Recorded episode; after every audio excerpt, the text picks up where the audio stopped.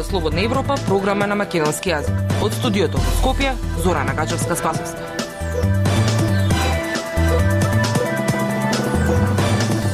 Почитувани, ја слушате емисијата на Радио Слободна Европа. Во неја објавуваме. Уставниот суд остана без уште еден уставен судија. Можна е уставна криза предупредуваат поранешни уставни судии. Каква димензија ќе добие пандемијата од новата мутација позната како Омикрон? Пет трендови поврзани со Кина што треба да се следат во 2022 година. Слушајте ме. Независни вести и анализи за иднината на Македонија. На Радио Слободна Европа и слободнаевропа.мк. На уставниот судија Јосиф Јосифовски му истече 9 годишниот мандат со што уставниот суд денеска брои само 5 судии, а со тоа се блокира работата на уставниот суд. За да може да функционира судот е потребно двотретинско мнозинство, односно вкупно 6 судии, затоа што судот носи одлуки со најмалку 5 гласа за, Дел од поранешните уставни судии предупредуваат на можна уставна криза ако не се изберат наскоро нови судии на испразнетите места.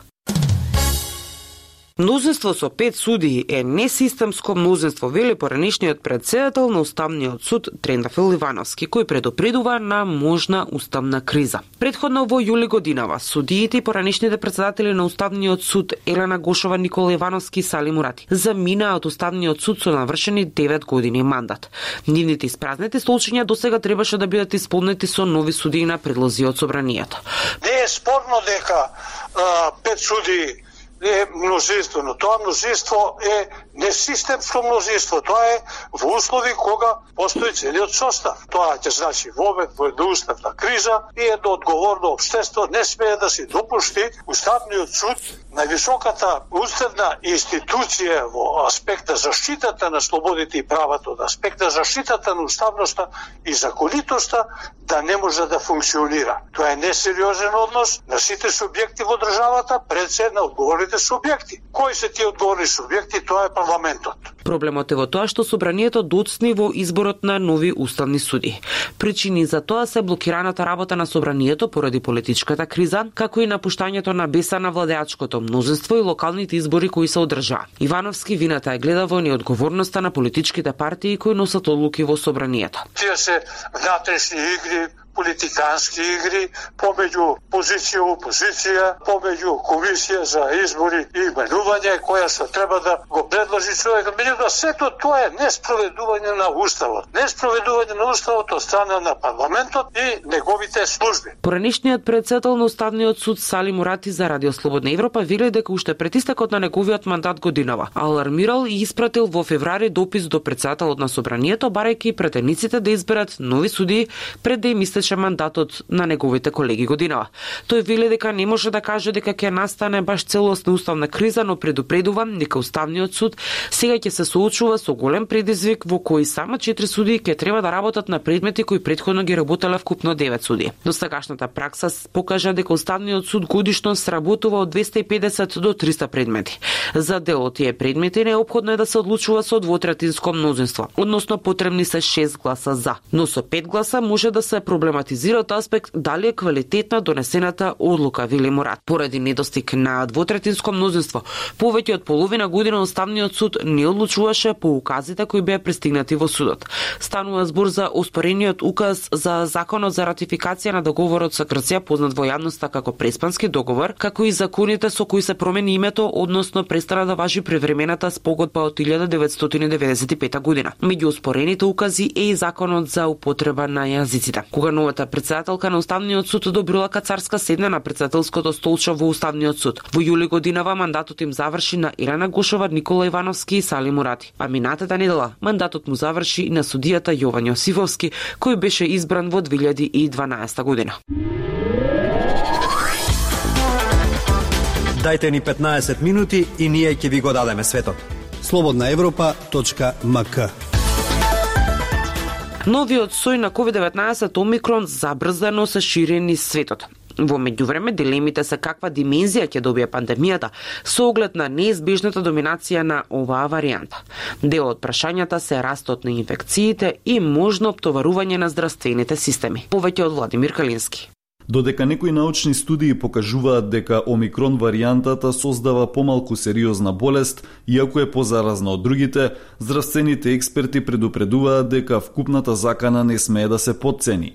Тие потенцираат дека се уште е рано за заклучоци, со оглед дека во моментов скоро сите научни студии за омикрон се во процес на рецензија. Омикрон варијантата веќе доминира во многу земји кои бележат висок раст на инфекции – САД, Британија, Германија, Данска, а првите случаи се регистрирани во Македонија, Србија, Албанија и Косово. Научниците од друга страна се обидуваат да ја проценат опасност од новата мутација. Дел од студиите кои досега се објавени покажуваат дека омикрон варијантата за десетици пати побрзо се пренесува меѓу луѓето во однос на делта и оригиналниот сој, но фокусот на јавноста е ставен на степенот на сериозност на болеста што ја предизвикува поради стравувањето од оптоварување на здравствените системи. Студија предводена од истражувачи од медицинскиот факултет на Универзитетот во Хонг Конг, која е меѓу првите што дава информации за тоа како омикрон го инфицира дишниот систем на човекот, покажува дека овој сој за 70 пати побрзо се размножува во бронхиите на човекот отколку делта варијантата и оригиналниот вирус кој се појави во Вухан – Овој податок, според истражувачите, дава објаснување зошто омикрон може побрзо да се пренесува меѓу луѓето за разлика од предходните варианти. Истата студија, од друга страна, покажува дека инфекцијата со омикрон во белите дробови е за 10 пати пониска од оригиналниот вирус, што е показател за помала сериозност на болеста. Студијата во моментов е во процес на рецензија. Доктор Злате Мехмедовиќ од клиниката за пулмологија во Скопје вели дека во моментов скоро сите студии за омикрон се уште не се рецензирани и затоа според него коментарите за нив треба да бидат во насока на можни предпоставки. Сепак тој посочува дека омикрон дефинитивно ќе биде доминантна варијанта во светот. И кога ќе се земат во предвид сите овие иницијални студии кои што се уште ќе кажам не се завршени со падна на рецензија, очекувањата се дека ќе имаме се уште неизвестни зимски месеци и празнични денови, што е уште поголем проблем, затоа што 70 пати поголема вака во една студија докажана преносливост на вирусот, може да значи и 70 кратно зголемување на актуалните случаи кои што сега ги имаме како резултат на Делта, а тоа би, би значило во превод дека би имали и по 20 случаи на дневно ниво, нешто што сериозно може да го оптовари здраве. Вели Мехмедовиќ, Две нови британски студии исто така сугерираат дека омикрон може да предизвика помалку тешка болест од делта сојот, но научниците исто така предупредуваат дека раните студии треба да бидат прегледани и од други експерти. Актуелности свет на Радио Слободна Европа. Каква разлика прави една година? Кина веќе се чувствува триумфално во борбата со пандемијата на COVID-19 кога забележа геополитичка победа кон крајот на декември 2020 година со подпишување голем трговски договор со Европската унија. Меѓутоа 2021 година имаше поинакви планови за Пекинг. Деталите од Коца Танасов. Договорот за инвестирање меѓу Кина и Европската унија беше суспендиран на неодредено време во мај годинава по размената на санкции меѓу двете страни за кршење на правата на југурите и припадниците на другите муслимански малцинства во западната провинција Ксинџинјанг. Од тогаш Тајван ги подобри своите врски низ Европа.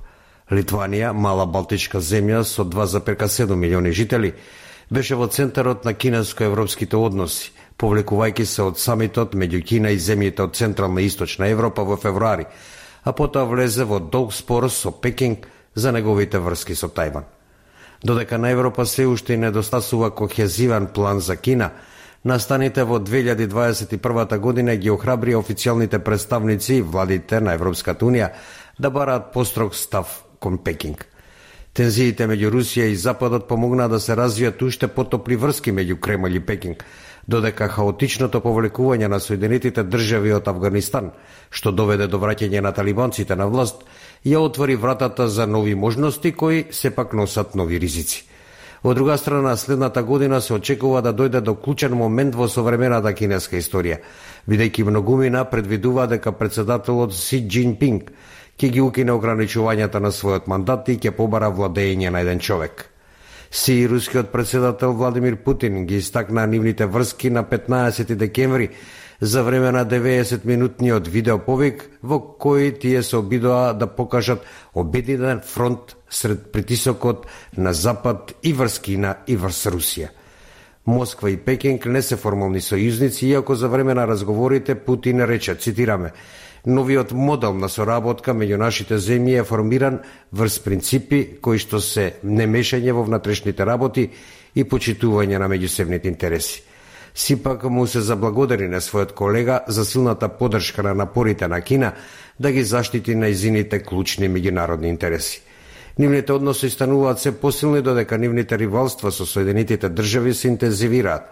Кина и Русија се сближуваат и иако не сакаат да го официализираат сојузот, тие се поподготвени меѓусебно да се подржуваат за прашања кои не го засега другиот, вели Рафаело Пантучи, виш советник во Кралскиот институт за Радио Слободна Европа.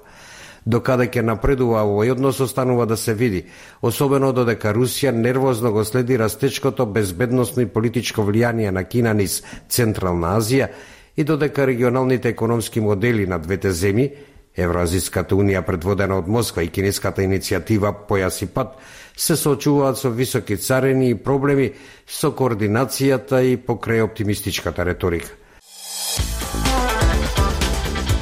Слободна Европа. Следете на на Facebook, Twitter и YouTube. Пред новогодишната атмосфера во време на пандемија. Интервјуто со поранишниот министер за финансии и член извршниот комитет на опозицијската ВМРО ДПМН Трајко Славески и нелегалниот бизнис со дрогата во земјава се главните теми кои го привлекува вниманието на читателите на социјалната мрежа Facebook. Прегледот го подготви Горица Попова. Да бидеме и ние во стилот на предновогодишната атмосфера, денешниот преглед на вашите објави на Facebook страницата на Радио Слободна Европа ја почнуваме со коментарите за трката на Дедомразовци, што по една година пауза поради пандемијата со COVID-19 се одржа на площадот Македонија. Манифестацијата ја организираше Сдруженијето за спорт и рекреација Прв до врв со поддршка на Кока-кола и град Скопје. Барем според коментарите, човек може да се праша дали нашите граѓани воопшто се радуваат на нешто. Цеце Велјановска Тасеска во два коментара напишала «Се е таман во државава, уште до дедомразовци ни фалеа».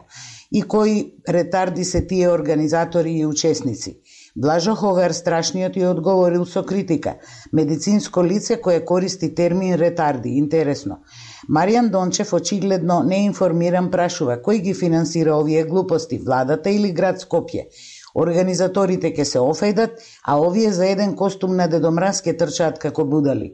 Неделното интервју е со Трајко Славески од ВМРО ДПМН, едно време министер за финансии во владата на Никола Груевски.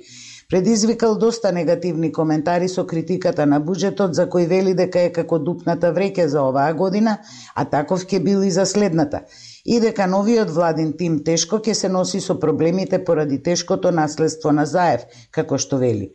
Джемал Джаферовски оценува буџетот за Арами кога имало за скапаниот народ.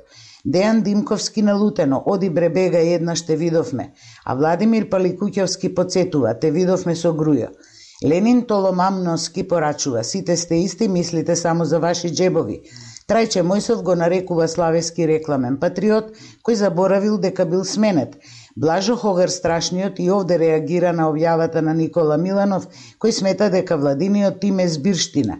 Имаше професорот прилики и прилики да се истакне на дело, вака само со муабети и јас знам. Анализата на Радио Слободна Европа за тоа дека три македонски банди го држат црниот пазар со дрога, што како што наведува поранешниот полициски началник Љубомир Ѓурчевски тежи стотици милиони евра, покажува што мислат нашите посетители за политичките партии, па се развила дебата. Дејан Велковски кратко напишал СДС и ДУИ, а Зенита Деми додал, еден заборави, ДПМН е. Дејан Велковски му одговара со смешко што се смее низ заби. Уште не се на власт. Занита Деми не попушта, па и тој со смешко, но со широка насмевка постирал. Ако не се на власт, имаат своји луѓе.